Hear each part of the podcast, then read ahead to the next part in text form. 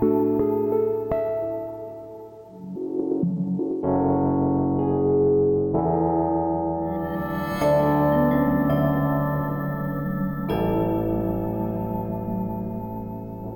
och välkommen! Du lyssnar på Modern Psykologi-podden. Den här podden görs ju i samarbete med bokförlaget Natur och kultur och vår tidskrift Modern Psykologi. Och jag som brukar prata heter Karin Skagerberg och är chefredaktör för tidningen Modern Psykologi. Och jag har ju alltid med mig en härlig gäst. Och idag har jag en härlig gäst och favorit i repris med mig. Välkommen Malin Drevstam. Tack snälla. Kul att vara här Karin. Det är kul att ha dig tillbaks för att du var med i vårt allra första avsnitt av den här podden och då pratade du och jag om anknytning och relationer. Mm. Och idag ska vi utveckla det och prata om anknytning och sex. Mm. Eh, jättespännande. För de som inte hörde det avsnittet och inte vet vem du är. Jag eh, brukar beskriva dig som att du är socionom, legitimerad psykoterapeut och sexolog. Mm. Det stämmer? Det stämmer. Jajamän. Jag är också lärare och jag är författare och jag är föreläsare och jag handleder. Och du har jättelång erfarenhet av att arbeta med både par och eh, enskilda i terapi. Mm, med relationsproblem och sexuella problem. Precis, jag har en egen mottagning i Stockholm. Just det. Eh, ja, du är författare också. Du har skrivit några böcker. Mm. Vill du göra lite reklam? Mm.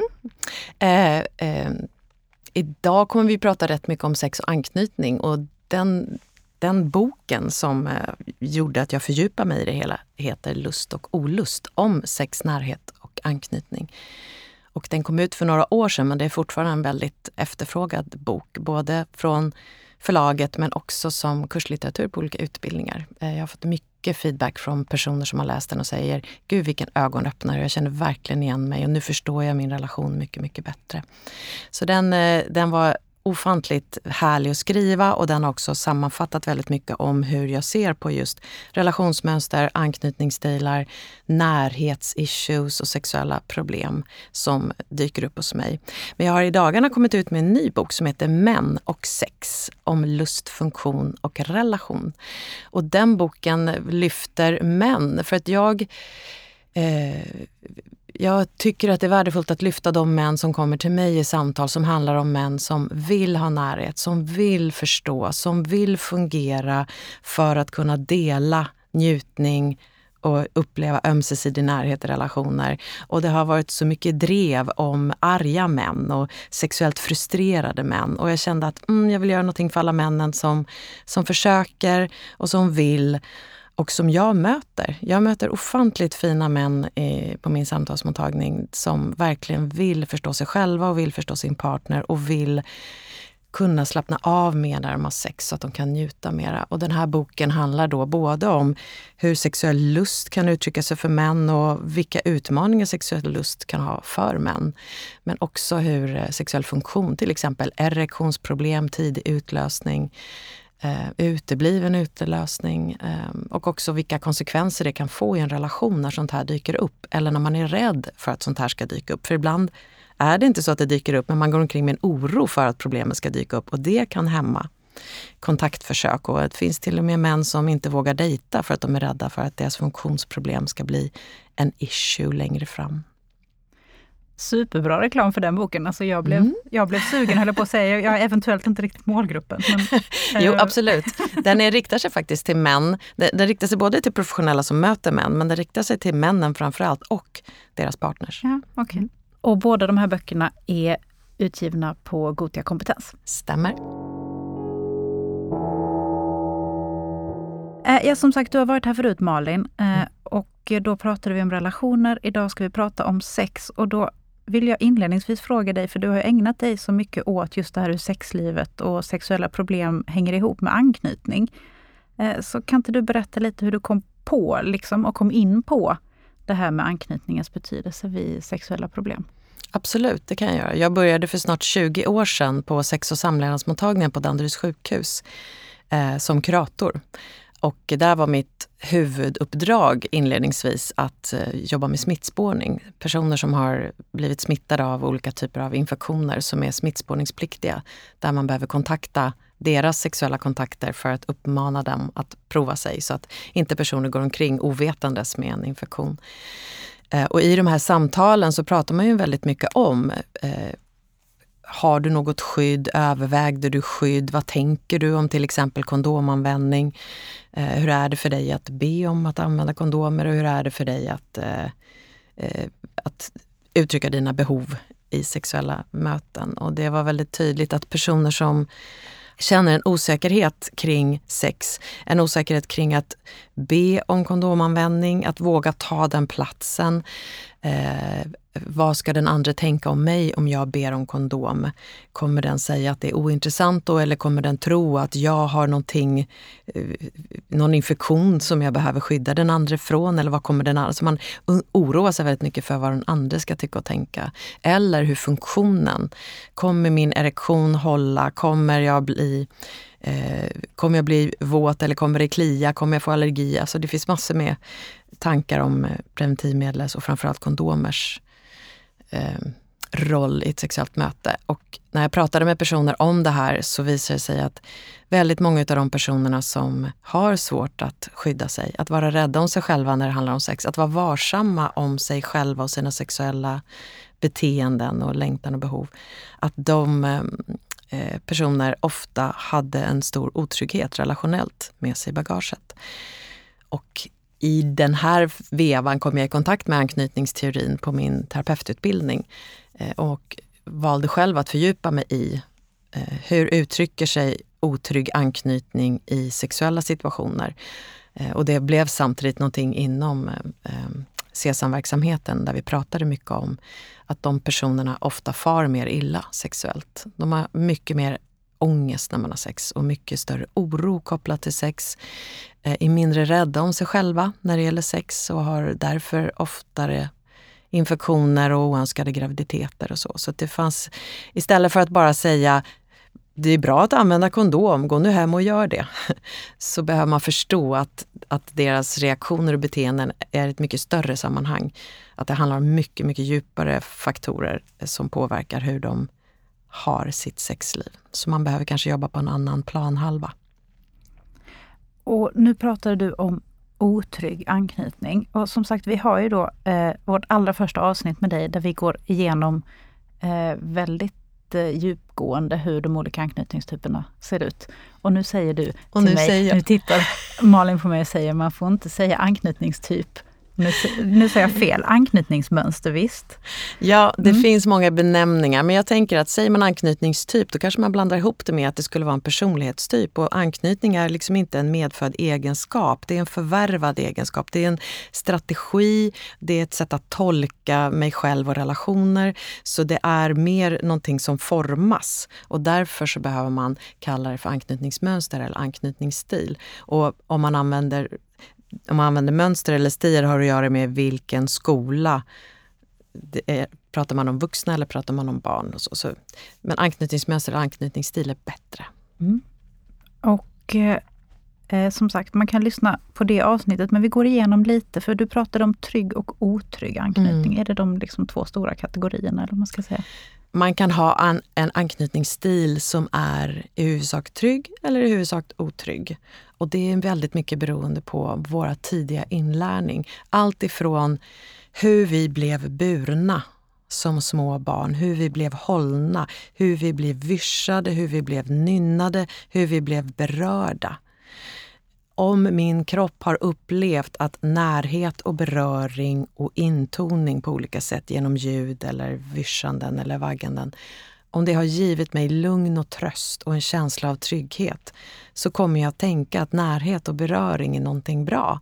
Någonting eftersträvansvärt och någonting som efterlämnar en känsla av ah, nu andas jag ut som om jag är väldigt nöjd och tillfredsställd. Men många barn har inte de förutsättningarna. Många barn har eh, tidiga erfarenheter av att inte blivit lyssnade på överhuvudtaget. Att föräldrarna kanske, eller anknytningspersonerna då som kan vara även andra mm. människor som hjälper till med att ta hand om mig. Eh, de kan ha varit eh, eh, avvisande. De kan ha stört sig på när jag har skrikit om ut mina behov till exempel. Eller de har kanske tyckt att jag har tagit för mycket plats med mina känslor eller på något sätt varit störda på mig så att de kan ha antingen ignorerat mina behov eller straffat mig för mina behov. Eh, men, och då, om man har personer som har, inte har varit lyhörda runt omkring sig så kommer jag inte lära mig att lyssna på mina känslor och mina egna behov. Och därmed kommer mitt känslomässiga kunskap om mig själv och mitt känslomässiga lyssnande på mig själv att begränsas. Jag kommer inte lära mig att använda mitt känsloliv som information om vad jag behöver utan jag kanske skaffar mig uppmärksamhet och bekräftelse genom att prestera saker eller se bedårande ut eller vara rolig eller på andra sätt få andra människors eh, bekräftelse. Inte genom att uttrycka mina behov. Och är det det som kallas för otrygg anknytning? Det är det man har då så att säga? Ja, det, det, här blir till och med en viss form av otrygg anknytning. Det, det, här barnet som inte blir bekräftat i sina känslomässiga behov, det utvecklar ibland en otrygg undvikande anknytning. En känslomässigt undvikande strategi. Det vill säga, jag ligger lågt med mina känslomässiga behov för då får jag mest trygghet. Om jag uttrycker mina känslomässiga behov, då börjar omgivningen tycka att jag är besvärlig eller vad det kan vara. Och därför så får jag inte det jag behöver då. Så det är så att det är väldigt, väldigt tidigt, från liksom bara vi är några månader upp tills vi är några år. Och sen fylls det här på under åren med hur jag blir bemött känslomässigt. Om mina föräldrar är lyhörda, det vill säga ser en darrande underläpp eller lägger märke till att jag varit tyst senaste veckan eller förstår att min oro inför att sova kan handla om rädsla för mardrömmar till exempel. Ehm, då kommer jag ju förstå att mina behov har värde. Så jag kommer gå ut i världen och tänka jag är värdefull och folk vill lyssna på hur jag mår och vad jag känner och det betyder att andra människor vill mig väl. Eh, och i bästa fall vill människor i stort mig väl också. Det är vad man kan kalla en trygg anknytning.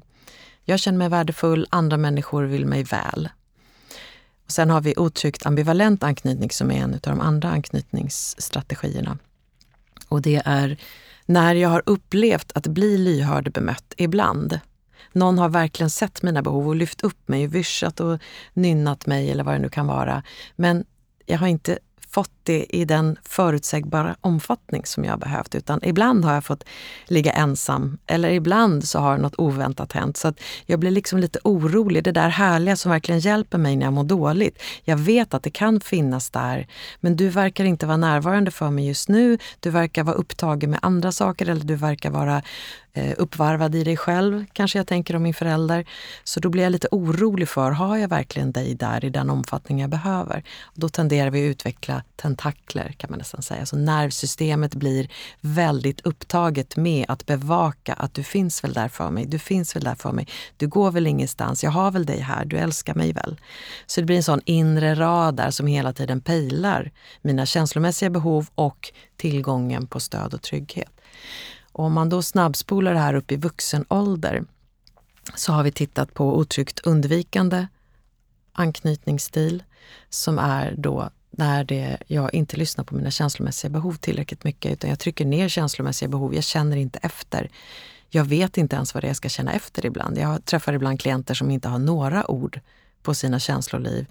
Eh, om jag frågar hur var det att missa flygplanet, hittar jag på situationer. Mm. Då säger kanske en person som inte har så känslomässig närvaro att eh, Nej, men jag tänker att det är väl så det är i flygbranschen nu för tiden. Eh, bolagen går i konkurs hit och dit. Och det jag har frågat är hur var det att missa flygplanet? Eller, ehm, och det jag får svar är någon slags intellektuellt resonemang om saker eller situationer. Så man är inte så mycket i kontakt med sina känslor som otryggt undvikande. Eh, och det betyder att jag inte heller lägger märke till sensationer i min kropp ibland. Jag märker inte lustkänslor i den bemärkelsen. Jag associerar inte lust till fysiska förnimmelser eller sensationer eller till särskilda beteenden utan jag blir lite blind för sexuella signaler kan man säga, både ifrån min kropp men också från omgivningen. Och det kan göra att värdet av lust och sexlust framför allt eh, inte blir så prioriterat. helt enkelt. Jag kan nedvärdera till och med vikten av sex. Jag vill betona att det här kan hända en person som har tyckt om sex och sen befinner sig i en stressad eller trött sammanhang. Så det är inte så att man blir otrygg bara för att man har tappat sexlusten. Men personer med otryggt undvikande anknytning har oftare svårt att se finessen med sex. Och hur är det med den andra otrygga anknytningstypen som du pratade om? Precis, otryggt ambivalent otrygg anknytning, det är den personen som då ibland har fått sina känslomässiga behov tillgodosedda eh, och upplevt känslan av att närhet är härligt, wow. Men jag är inte riktigt säker på om den är där för mig hela tiden. Så att jag kan associera sex med någonting positivt, någonting som eh, gynnar och stärker relationen. Och jag kan, eh, men jag är hela tiden orolig för hur jag uppfattas. Kommer du verkligen vara nöjd med det här sexet som vi har? Betyder det här att du verkligen älskar mig? Så att det finns samtidigt en parallell oro. Så sex kan bli väldigt känslomässigt laddat på två, på två sätt. Det ena är härliga sättet och det andra är Tänk om jag kommer bli sviken oron som är närvarande hela tiden. Så det kan betyda att sex ofta innebär en hög nivå av intensiva känslor som ibland kan förväxlas med passion till exempel. Ah, spännande. Vi ska mm. gå in lite djupare på detta mm. alldeles snart. Jag undrade bara till en början, för att nu generaliserar jag givetvis, men jag dristar mig ändå till att tro att kanske de tryggt anknutna är kanske inte de som i första hand söker parterapi eller eh, råd för sexuella problem. Eh, men att det är de som är otryggt anknutna som gör det åtminstone. Det är det jag tolkar lite utifrån mm. det du har sagt. Jag skulle säga att eh, tryggt anknutna personer i relation har en mycket högre tilltro och intresse av att reparera, att förstå och har en ofta en högre motivation att söka hjälp på egen hand. De kan lättare ta till sig råd ifrån böcker eller tidningar eller experter på olika sätt och jobba med det på egen hand. Så det finns en väldig e- ett, ett, ett, egen motivation och egen tilltro till att vi tar oss igenom det här tuffa. Ibland faller vi pannkaka ihop i vår relation men vi brukar kunna reda ut det förr eller senare. Så den känslan har man mer om man är i en tryggt anknuten relation. Eh, och är man då otryggt anknuten så blir det mer missförstånd. Man, antingen är man jättelångt ifrån varandra och känner vi har inte någon närhet eller intimitet överhuvudtaget i den här relationen. Vi bara gör saker tillsammans till exempel. Eller så är man mer åt det otryggt ambivalenta hållet och, och det blir mycket passionerad närhet men också jättemycket krockar och konflikter och missförstånd och misstro och en upplevelse att man blir besviken eller sviken. En större större behov av att kontrollera kan det vara i dess extrema fall. Och vi måste komma ihåg att anknytning hela tiden rör sig på ett spektrum. Mm. Så vi är aldrig antingen bara det ena eller andra utan våra strategier flyttar sig från dra mig undan till att bli krävande kan man säga. Just det, därav inte kalla det för typer utan Precis. mönster eller stilar. Exakt. Jag är med. Jag lovar att aldrig säga fel igen. Men du, om vi nu tar steget in på sexologen och psykoterapeutens mottagning då. Mm. Vilka är de vanligaste sexuella problemen som folk kommer med till dig? Jag skulle säga att det absolut vanligaste som par söker för, det är att de har olika nivåer av sexlust. Eh, det kan också handla om olika sätt att se på hur viktigt sex är i relationen. Så det blir ju, om jag skulle tittat på individerna för sig, så har ingen av dem egentligen en problematisk nivå av lust. Det är bara det att kombinationen blir ett dilemma. Det vill säga en tycker att, eller en har lust till mer sex och tycker kanske att sex borde prioriteras mer i relationen. Medan den andra kanske känner att Nej, men jag har massor med andra saker jag vill ägna mig åt och sex är inte så viktigt för mig.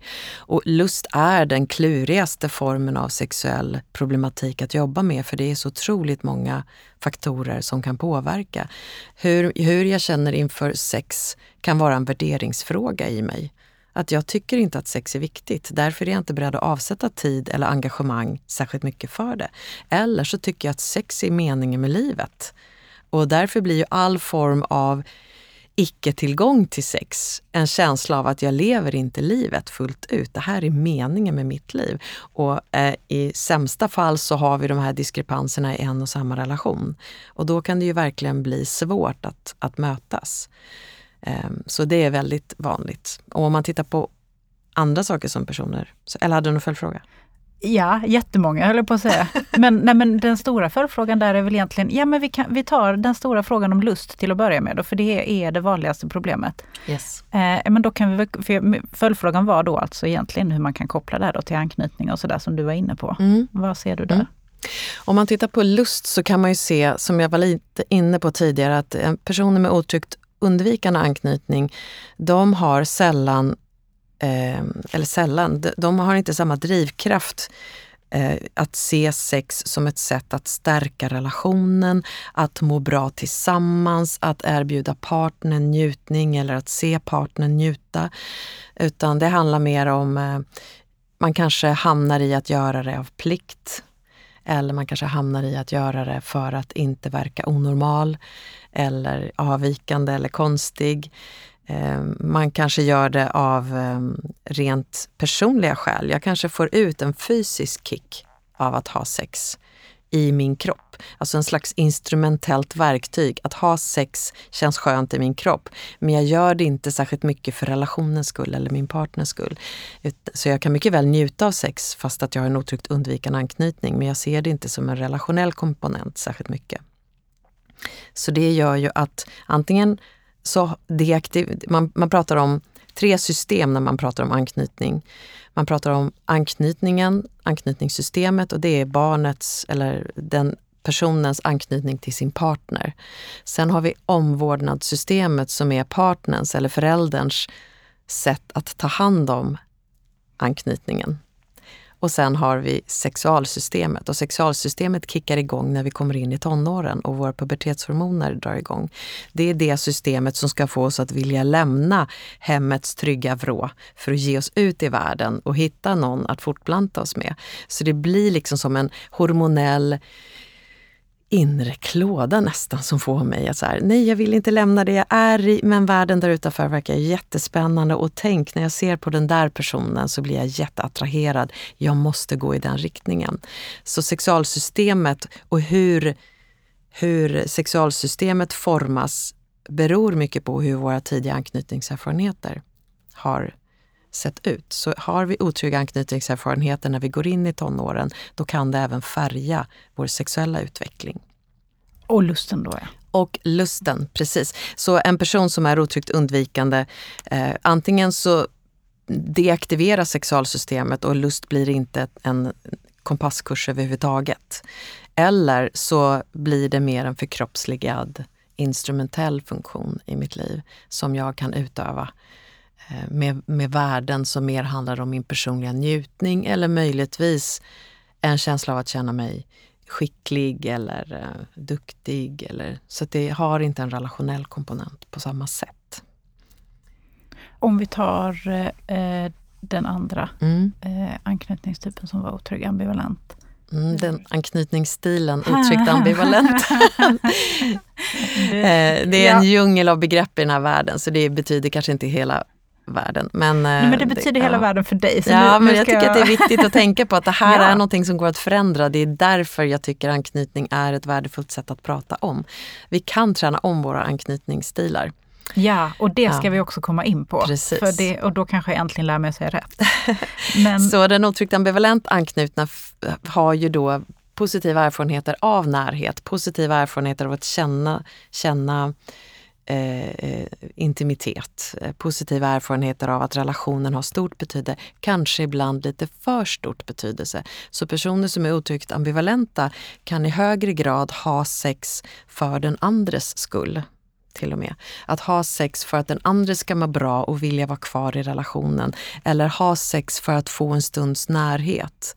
Eh, såklart kan man njuta sexuellt också eh, för egen del. Men det är den relationella komponenten som ofta får huvud, eh, är huvudmotivet för en otryggt ambivalent anknuten. Så att det blir förknippat, sex blir förknippat med nu vet jag vad jag har dig, det gör att jag känner mig tryggare. Så man använder kanske sex mer som ett sätt att få trygghet.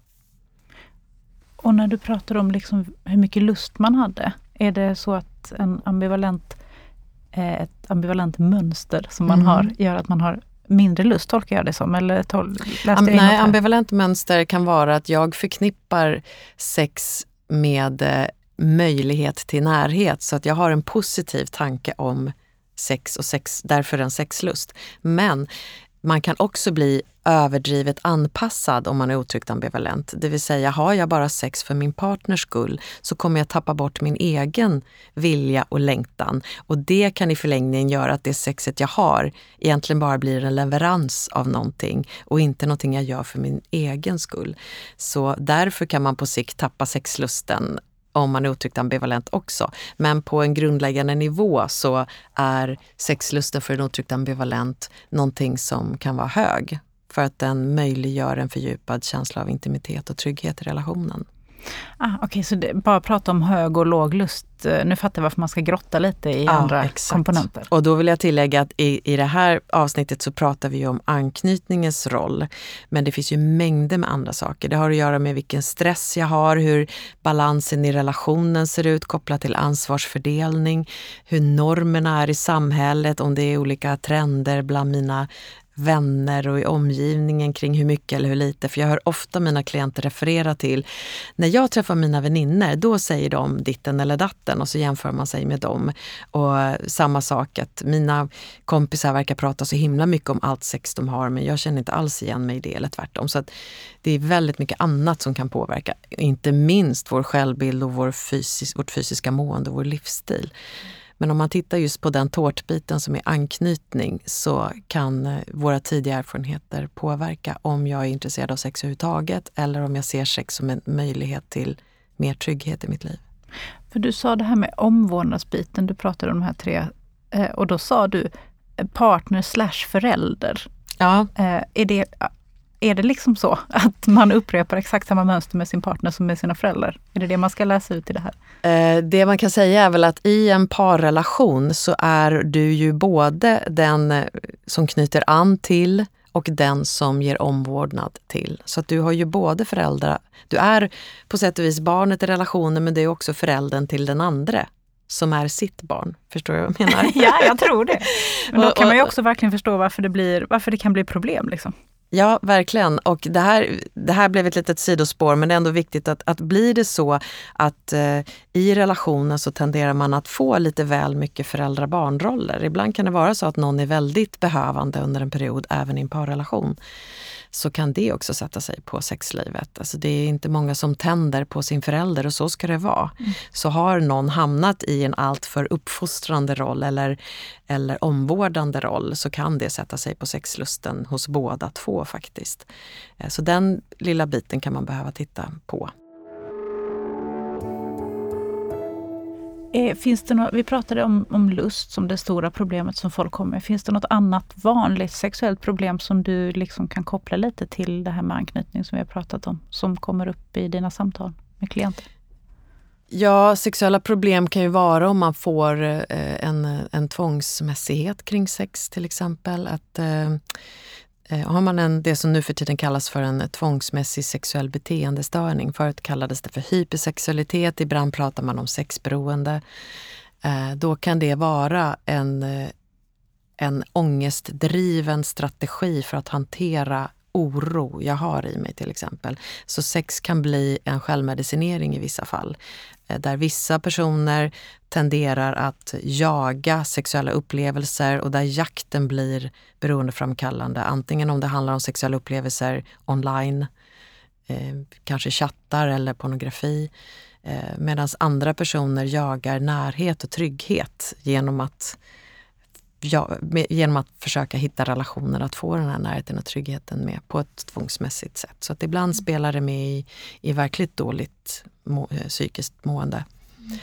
Mm. Um, I övrigt kan man väl säga att har du en otrygg anknytning oavsett om det är undvikande eller ambivalent um, och då vill jag också tillägga att man kan faktiskt ha fem olika anknytningserfarenheter så att det är inte så svart och vitt som jag kan få det att låta nu.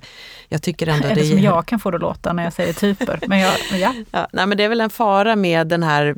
Eh, jag bidrar ju till en fokusering på att prata om anknytning men för mig är det väldigt hjälpsamt att få mina klienter att förstå att de beteendena du har, ditt sätt att tolka det som hänt i din relation eller det som händer i din relation kan ha mycket tidigare förklaringsmodeller än just den här situationen. Det kan verkligen vara så att känslan av att känna sig oviktig, det är inte din partner som gör dig oviktig. Det är en känsla du har haft med dig hela ditt liv och det kan, det kan förklara mycket saker för det är inte dig det är fel på. Men det är i dig själv som du behöver jobba med förändringen och inte sitta ner och tänka att min partner ger mig otillräckligt mycket till exempel. Ibland är det så att partnern ger otillräckligt mycket men ibland är det en inre känsla som jag inte kan mätta trots att min partner ger mig tillräckligt. så att säga. Ja, och även om det är väldigt generaliserande och övergripande så tänker jag när din bok kom, mm. den här Lust och olust, mm. den fick ju enorm uppmärksamhet och våra mm. läsare blev jätteförtjusta för att det var som, den slog an någonting hos väldigt mm. många. Mm. Och just bara det här att liksom kunna är jag lite mer åt det här hållet? Mm. Är jag lite mer åt det här hållet? Om man känner igen vissa mönster. Det, jag tror det är otroligt hjälpsamt. Jag tänker att den anknytningsteorin, det den bidrar med, och jag vill också säga att den är ju en, en teori som växer och beforskas hela, hela, hela tiden. Så att det blir ju fler och fler nyanser av anknytningsteorin. Men om man, om man tittar på Fördelen med den är att den ger en möjlighet att sortera lite grann i en stor känslomässig oreda och förvirring som många klienter har. Och ju mer man kan begri begripa varför man gör som man gör eller tolkar som man tolkar, desto mer kan man slappna av i att det blir en sån jaha. Och när jag säger jaha så blir ju det som en utandning i mig och min kropp mjuknar lite grann. Och då blir vi mer kreativa i att förstå vad behöver jag då göra för att förändra? Ja, och det tänker jag, om vi ska ta det som en sista eh, punkt. Det här med vad man kan göra själv och när det liksom är dags att göra någonting, eller vad man ska säga. Om mm. vi nu tittar på de här stora kategorierna eller indelningarna som vi pratade om. Eh, vad kan man göra själv om man till exempel märker att man är lite på spannet undvikande som du pratade om? Mm. Eh, och även i sin sexualitet. Liksom. Eh, jag tänker att är man eh, åt det otryggt undvikande hållet så handlar det väldigt mycket om att bli mycket mer känslomässigt medveten. Vad händer i min kropp? Vad känner jag nu? Vad är det för reaktion jag uppfylls av i de här olika situationerna?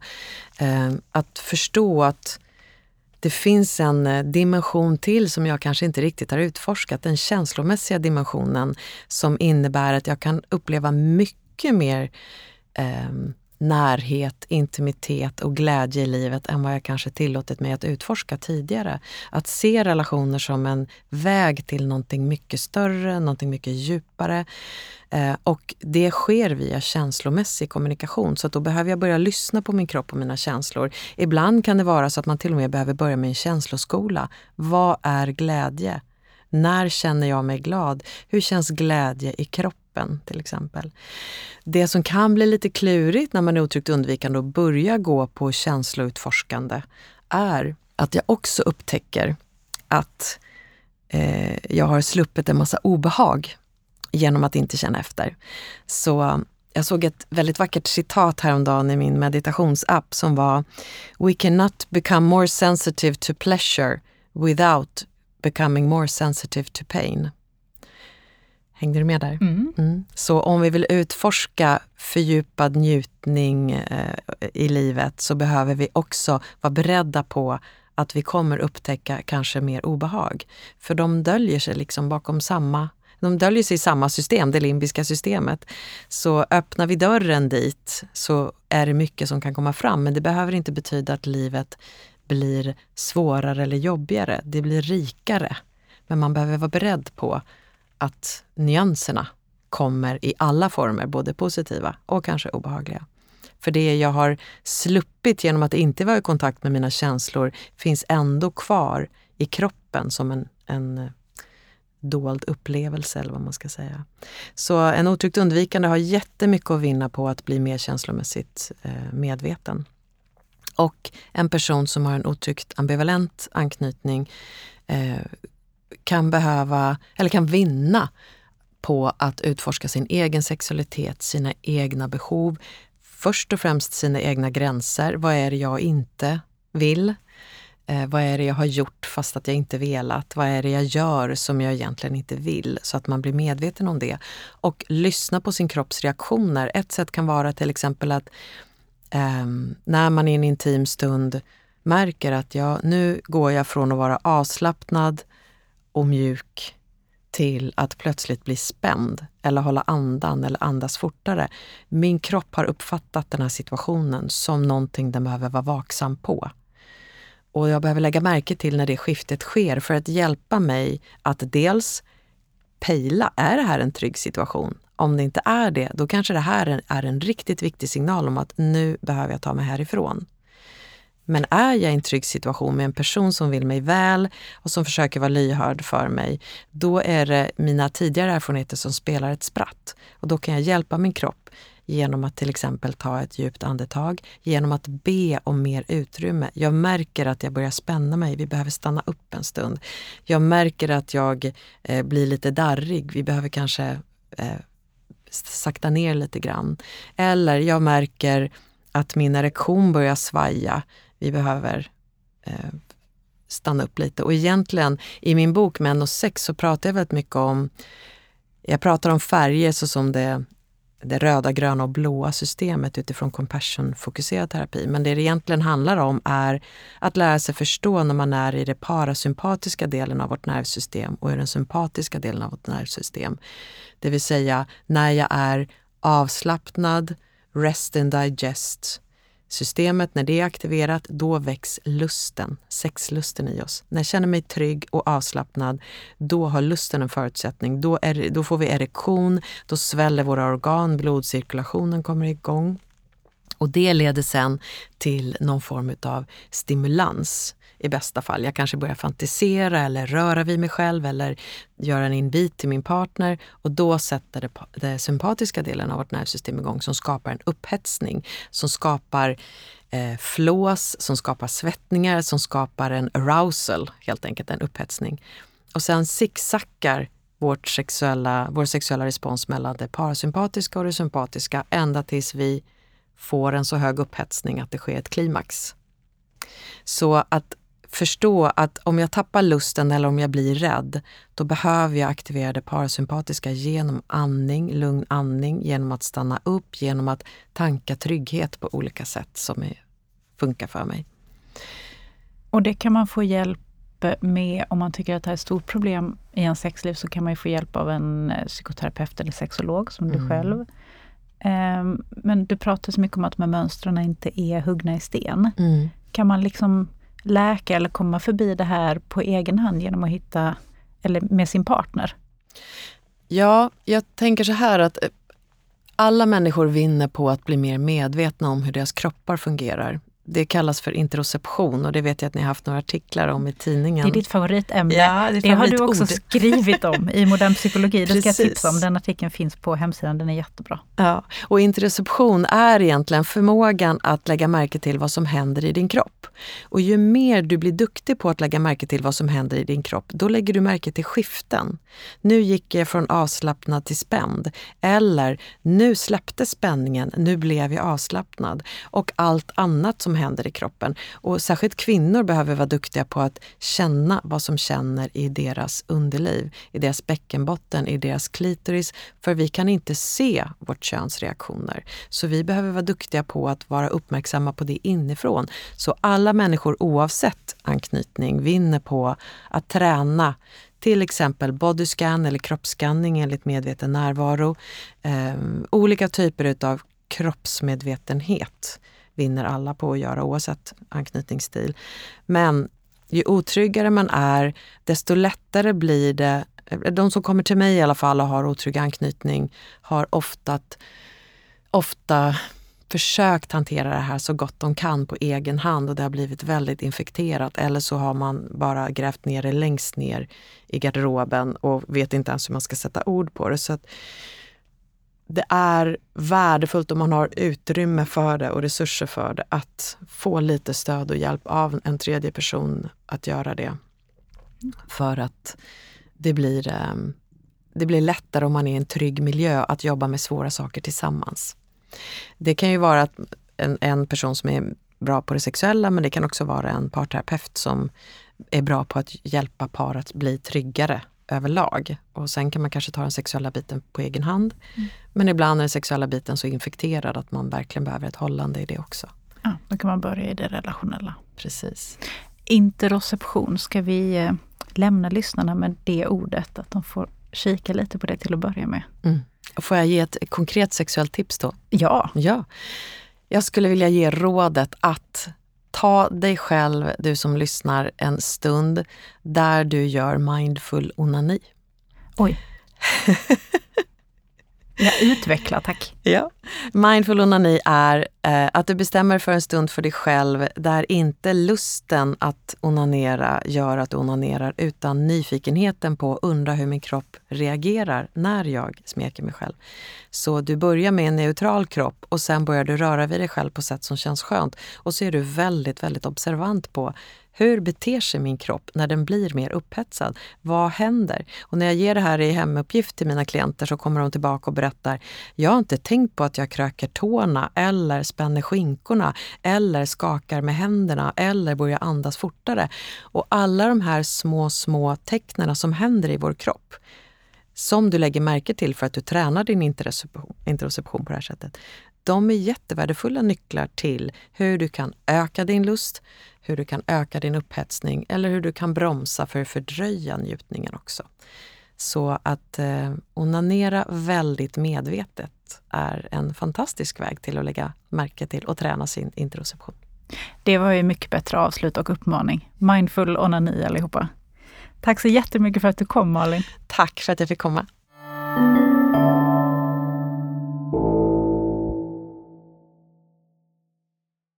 Det här poddavsnittet presenterades i samarbete med Natur och kultur. Vi är en oberoende stiftelse som förutom att inspirera till läsande och lärande också stärker röster i det demokratiska samtalet genom priser, stipendier och stöd. Så varje gång du väljer natur och kultur är du del av något större